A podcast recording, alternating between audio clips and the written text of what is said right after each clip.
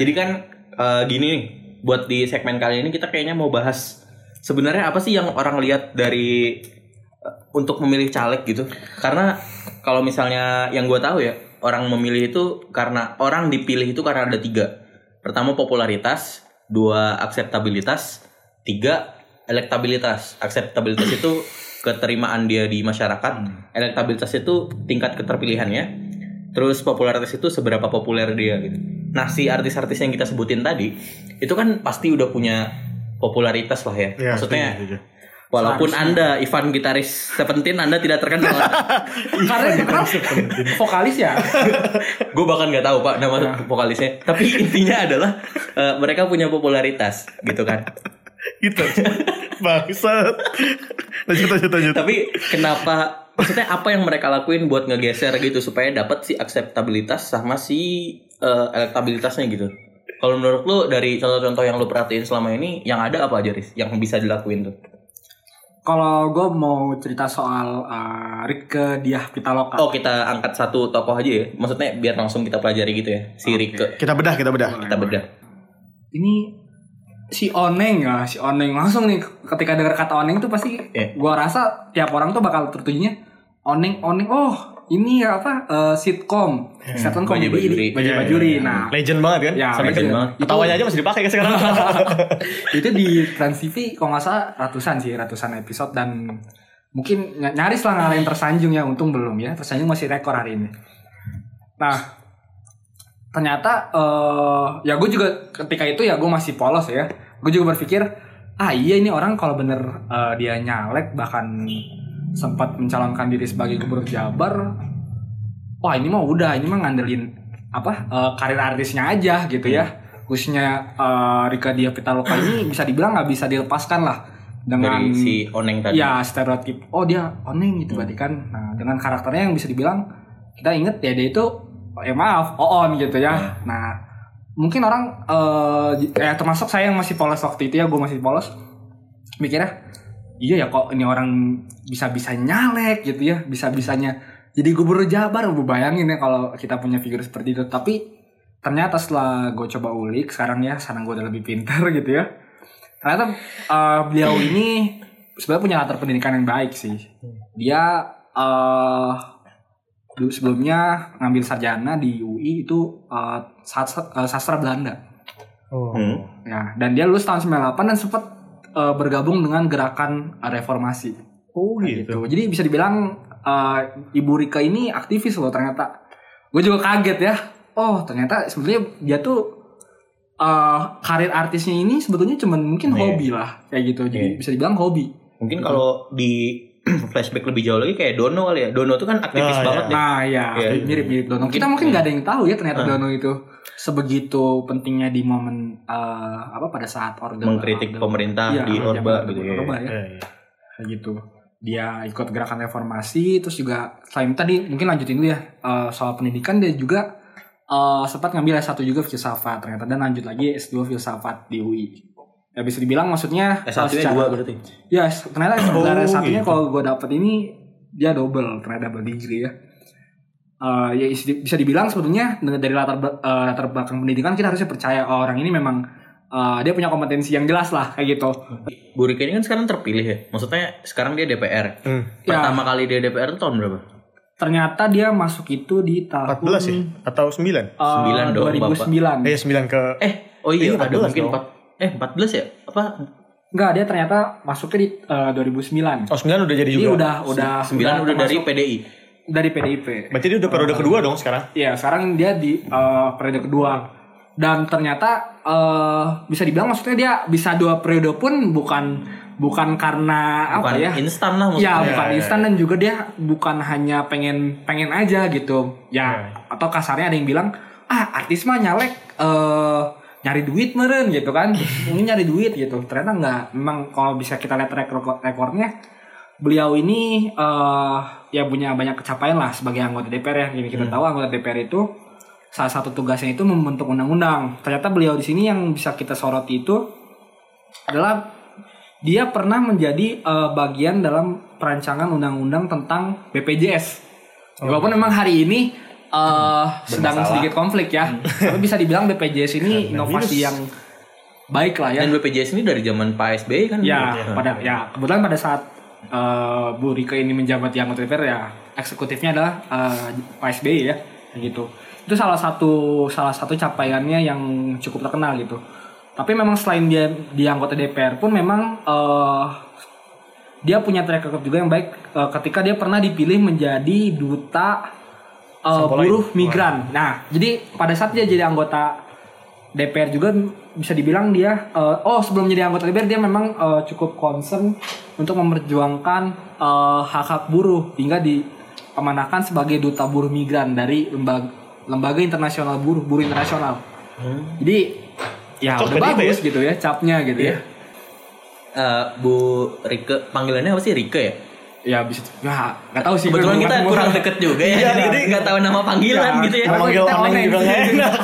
itu ya mungkin kan itu karakter ya. Kan dia emang maksudnya kalau lu main Twitter juga dia aktif di Twitter, Iya, iya. nyebarin eh, apa yang dia lakuin. Maksudnya politisi itu emang harusnya bukan klaim anti korupsi doang ya.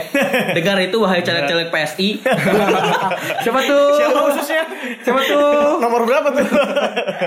Jadi caleg itu kan eh, maksudnya anti korupsi itu penting gitu. Tapi baru berguna setelah Anda kompeten. gitu. Kalau Anda tidak kompeten, makan kan- gaji buta doang ya. Iya. Tidak jauh lebih baik dari korupsi. Korupsi saja.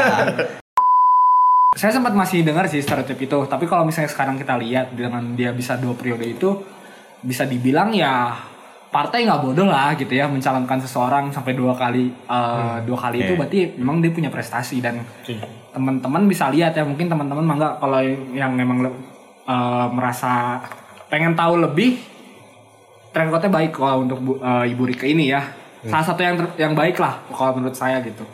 Tapi mungkin itu yang bisa dipelajarin berarti dari caleg-caleg yang udah lama tuh itu ya. Maksudnya dari background pendidikannya, cara dia menggeser. Justru Bu Rika tadi kalau kata lu dia udah aktif di politik duluan. Iya, justru dia lah apa lahir memang dari lingkungan politik gitu. Besar di lingkungan politik. Eh, apa lingkungannya mungkin juga jadi mengarahkan dia untuk menjadi seorang politisi. Itu nggak bisa nggak bisa dipungkiri karena lingkungannya seperti itu. Tapi kalau buat maksudnya Bu Rika nih punya background 98 terus yang zaman dulu yang kalau kata mahasiswanya masih punya narasi pemersatu gitu, masih ada yang harus dilawan bersama. Kan gampang tuh tum- tumbuh dan menggeser narasinya. Kalau buat caleg-caleg yang baru nih gimana sih cara ngegesernya? ada yang tahu sih? Maksudnya gue pusing gitu ngelihat kayak tadi caleg-caleg kampanye cuma anti korupsi doang. Bingung gimana caranya mengkampanyekan eh kompetensinya. Kalau menurut lu ada nggak gue yang bisa dilihat gitu oh ini orang nih kompeten yang di zaman sekarang ya nggak kayak Bu Rika tadi yang maksudnya Oh, iya. 2009 kan masuknya jual aktivis 98 semua pak Ya, betul, setuju, setuju. Kita bahas satu persatu aja kali ya. Kalau Iya, kita kalau kita angkat punya contoh, aja, iya betul. kita kita angkat tokoh aja. Nggak tuh sih, gue mau coba ngangkat si artis cilik nih. artis cilik Nah, coba lu tebak artis cilik suka nyanyi, Mhm. Bukan goyang ngebor ya. Taruh. jadi inul. dari mana cilik dari Siapa tuh? Itu sudah dewasa. Eh, tapi ada ada video si artis ini lagi apa? Lagi nyanyi? Dia sambil goyang bareng sama Inul jadi itu cukup viral. Jadi Oh, nggak seumuran tapi nyanyi bareng jadi Inul goyang bor dia juga bergoyang dengan goyangannya. Kira-kira sempat kebayang cilik nyanyi. Cilik. Tadinya gue mau nebak Sherina sih tapi Sherina goyang sama ini kan rusak semua Sherina fantasi kita ya. Serina tidak goyang. Sherina tidak goyang. Saya main film. Sherina Joshua juga tidak goyang. Joshua hanya mengocok. Mengobok iya salah mengobok maksudnya. Iya iya iya. Siapa lagi harus cilik Coba, oh coba, coba. Tina Tun Tina Tun Nah, sabi Tinatun, ya, ya kan? ya, gue gue mau coba angkat Tinatun sih. Soalnya sebenarnya gue pertama kali ngeliat waktu di acara Mata Najwa sih. Jadi waktu Oh, itu, iya, iya. Gua- ya kan kalau lu pada beberapa. nonton dia sempat dia sempat diundang sama beberapa artis lain. Terus juga Oke nggak ngomongnya? Apa? Oke nggak ngomongnya? Ngomongnya oke sih. Kenapa ngomongnya oke? Tapi ya maksudnya gue pahamin lah. Kenapa? Karena setelah ditelusuri juga. Jadi kalau kita lihat track record ke belakangnya, ternyata emang dia udah belajar. Dia kebetulan menyelesaikan studinya, terutama bidang magisternya itu ilmu hukum. Oh, Nah, jadi mungkin ya, mungkin Cocok dia itu. memang sudah berlatih ke sana dan juga mungkin dari sana dia juga balik ke tadi sih bahwa kalau misalnya anda tidak kompeten, anda gabut juga ya kan. Iya. Mungkin dia berusaha untuk mengisi ke kompet apa kompetensinya dari sana. Jadi uh, dia ternyata S2-nya ambil ilmu hukum walaupun S1-nya si yang gue lihat sih dia ilmu komputer sih. Kayak gitu. Tapi jadi dia udah ada yang gue lihat sih dia udah ada concern emang mau main ke arah sana dan ini gue sempat nemuin ada berita-berita lain dari liputan6.com ya. Ini gue sebutin sumber nih biar nggak dari directory file C. Aduh. Aduh, taruh lembaran itu bukan lembaran kita ya. Oh iya, Tolong oh iya. Maaf, maaf, maaf. Mungkin Iya, iya. Iya, iya, iya. Ini dari putaran.com. Cuman eh, dia sempat kasih statement bahwa dia memang dari awal udah proyeksiin dirinya bakal berkarir di politik. Dari oh maksudnya Iya, udah- dia udah, udah- dia udah udah ada angan-angan ke arah sana. Cuman sangat-sangat Faris dong. aduh. Duh, tinggal Faris bolo-bolo aja. Belum. Terlaku Aduh. ya. Cuman, jangan, jangan. iya, cuman dia kasih statement bahwa uh, dia nggak nyangka bakal secepat ini. Dia bilang kayak gitu. Nah, cuman kalau dilihat dari uh, sananya lagi juga, uh, kita lihat ternyata dia juga aktif di salah satu organisasi sayap dari partai dia berkecimpung saat ini. Banteng muda. Banteng Muda. Lu udah tahu ya Oh. dia di PDIP ya? Baru gue minta tebak padahal. Jangan kita mundur segmen dia. Perasaan debak-debak mulu. Anda sudah jago, sudah bikin skrip. ya, maksudnya Enggak, maksudnya dia tadi ngomong dia tidak menyangka dia akan maju secepat ini. Emang Anda disuruh siapa masuk politik Tinatun? betul, betul. Tidak ada suara rakyat kami butuh Tinatun, kami butuh Tinatun. Tidak ada. Kami butuh bolo-bolo. Kami butuh gedung DPR digoyang. Aduh. eh tapi eh sorry dulu coba Eh, si Tenaton ini nggak DPR sih, dia DPRD dulu. Oh, dia wakilin eh, apa Dapil Jakarta Bagus, Utara. Anda cerdas Anda Karena cerdas. dia di Kelapa Gading tinggalnya, jadi dia Wah. wakil Jakarta Utara. Kelapa Gading. Tuh. Seperti itu. Kan partai wong cilik. Partai Wong Cilik besar di Kelapa Gading. Iya, Mantap. Tapi gue apresiasi sih kalau langkahnya Tinaton emang milihnya di DPRD. Maksudnya dengan umurnya mungkin 20 ya, masih 20 ya. Ada gak sih 20? Kayaknya lebih tua dari kita nggak sih 20 harusnya? Lebih tua, lebih tua. Ya, Dia sekitar- 93 kalau di sini.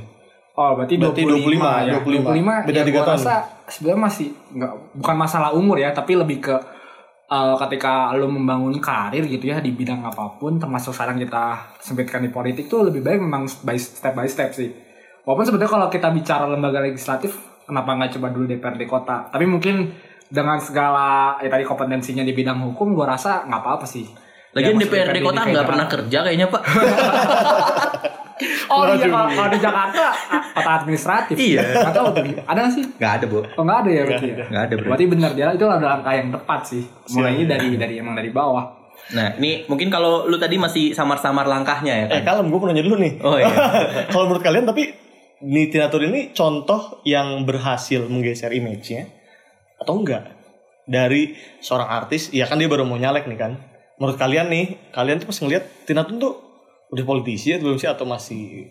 Dari posternya yang jadul sih politisi. bener. Posternya. Aduh Tinatun, Anda itu milenial Tinatun. gue tuh punya tetangga. Dia dulu caleg Gerindra tahun eh pemilu 2009 dan itu disebarin tahun 2008 Tangga mana nih? Sebelah kanan, sebelah kiri. tapi Pengen kenalan gua.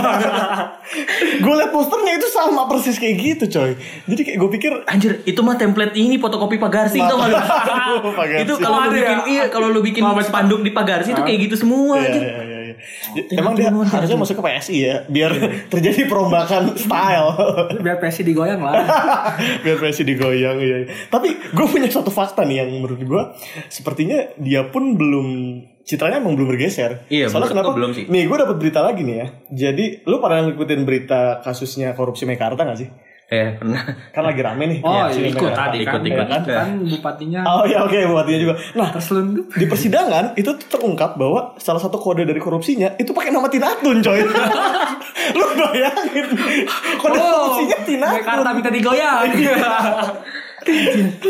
Berarti artinya menurut gua itu kan hal yang oke lah korupsi berbau diambil dari kegiatan politik. Diambil orang yang image-nya harusnya pasti ngambil sesuatu yang bukan politik dong. Kayak contoh ada yang ngambil apa korupsi yang pakai nama-nama jus kan? Iya, iya, Nah, ada. karena dianggap jauh dari politik gitu kan. Nah, berarti ini Tinatun juga pasti jauh dari politik sih. Kalau lihat dari indikator itu ya. Iya. Iya, jadi Kalau gua ngerasa emang maksudnya nama nama itu memang suatu branding ya. Iya. Tapi kalau ketika kita berbicara yang menggeser image berat sih ketika dia masih namanya pakai nama Tina tuh kenapa nggak pakai nama dia sendiri gitu. Hmm, Jadi mem- membangun saya hari ini bukan lagi artis gitu. Saya hari ini benar-benar ingin eh, tujuan saya jelas gitu sebagai politisi gitu. berarti kayak oneng sama Rike Diah Pitaloka Iya, lah, kayak gitu ya. mer- mereka tidak membawa lagi ya. Tadi Iya. kayak Burika mungkin sekarang kita ya karena perkembangan zaman mungkin nonton baju-bajuri udah susah ya nyarinya di YouTube gitu ya. Pak, maksudnya memanfaatkan image yang lalu itu emang harus sih menurut gua. Jangankan artis-artis ya, anaknya Karni Ilyas aja nyalek bawa nama bapaknya. Bapaknya ada di spanduk coy. Oh, iya. Jangankan artis cilik, anaknya ILC pakai nama bapaknya. Terus ada yang nge-tweet kan, apa bener ini anak anda? Terus kan Dinas jawab, iya jawab lagi. Iya betul itu anak saya lagi nyalek. Waduh. Tapi itu kan kalau dari Tinatun yang menurut gua belum berhasil ya. Ya setuju. belum Gue berhasil. bisa bilang belum berhasil sih. Kalau menurut gue yang sangat-sangat sudah dekat dengan politik yang gue lempar tadi sih Ahmad Dhani sih. Itu maksudnya terlepas dari semua kontroversinya dia he knows what to do man. Kayak konsisten gitu wah. Dari lu inget gak sih 2014 bikin lagu cover lagu We Will Rock You Iya, yang pakai baju Nazi. Iya iya iya. kan populer itu. Terus gue gak tahu itu. Ada pak lagu Itu- itu. Hatta Iya, pakai iya. baju Nazi. Kan di demo. Iya. Saat itu belum no suatu dulu kali ya Atau on purpose ya Sepertinya dia investasi alasan. Aduh aduh aduh Maksudnya Terus gimana gimana kiprahnya jelas gitu loh kayak Iya sih 2014 tuh mulai pemilu. Iya Ya maksudnya yang nyanyi bukan dia men satu manajemen diajak. satu manajemen ini Oh, diajak. jadi ini apa All Star gitu ya. All Star. Oh. Republik Cinta Oh, untuk mendukung ini gitu kan. Terus 2015 sempat nyalon jadi wakil wali kota Oh, iya. Surabaya. Oh, pernah dulu. Pernah. wali kota Surabaya. Tapi akseptabilitasnya rendah jadi ditolak. Walah. Berarti baru bakal calon Apa itu kan Tinggal calon. Oh bakal calon dari Gerindra tuh. Terus 2000 maksudnya setelah 2014 kan Pak Jokowi naik tuh. Ya, naik. Si gubernur kan Bapak Ahok tercinta ya. Hmm. Kan kurang ribut apa Bapak Ahmad Dhani ini dengan Pak Ahok gitu. Betul betul Dari mulai penista Iya sampai apa macet semuanya di Ya, demo kan sama dia. di- Maksudnya bahas. ini tuh narasi konsisten yang dibangun gitu loh. Ahmad Dhani ini menurut gua pinter ngebangun kalau ya udah kalau gua mau suara, gua harus tahu pasar mana yang mau gua dapetin. Nggak usah iya, branding diri gua. Oh gua menengah loh. Oh gua ini. Ya udah kalau mau dapet pasar yang pasti ya pasar itu. Oh iya gue setuju Pasar itu. Iya iya gue gue setuju banget Soalnya gue kadang keluh kesah sih lihat caleg-caleg Atau ya politisi di Indonesia lah Hmm. Kayak gue lihat terlalu pragmatis gitu loh Gue gak, gue gak bisa nilai dia ideologinya apa Dia bergerak mau ke mana Iya. Sementara ini ya oke lah mungkin kita sebut Mungkin beda lah arahnya ke mana Tapi dia punya konsistensi yang jelas ya Iya nggak? dia konsistensinya jelas. Betul maksudnya. Sepertinya Pak Prabowo punya kader yang baik tapi tapi ada twistnya. 2017 kan Doi sempet ini tuh bakal calon DKI. Ya Tahu nggak lo dari dari partai mana? Oh iya. Oh gila anjir. Beberapa partainya Oh Gerindra dong Iyalah pasti Gerindra PKB. Hah? Kayaknya enggak lu. PKB. Dia sempet masuk draft nama PKB jadi calon Waduh. gubernur. Caimin Anda kerja atau tidak Caimin? Aduh, Caimin ini Itu membuktikan kalau Caimin tuh lulus. Aduh iya. Bisa ke mana pun. Luwes lah. Belum ada presiden yang sudah siap jadi wakil. Gimana Aduh. kebutuhan, coy. Iya, aduh ya. Oh iya. PKB ya?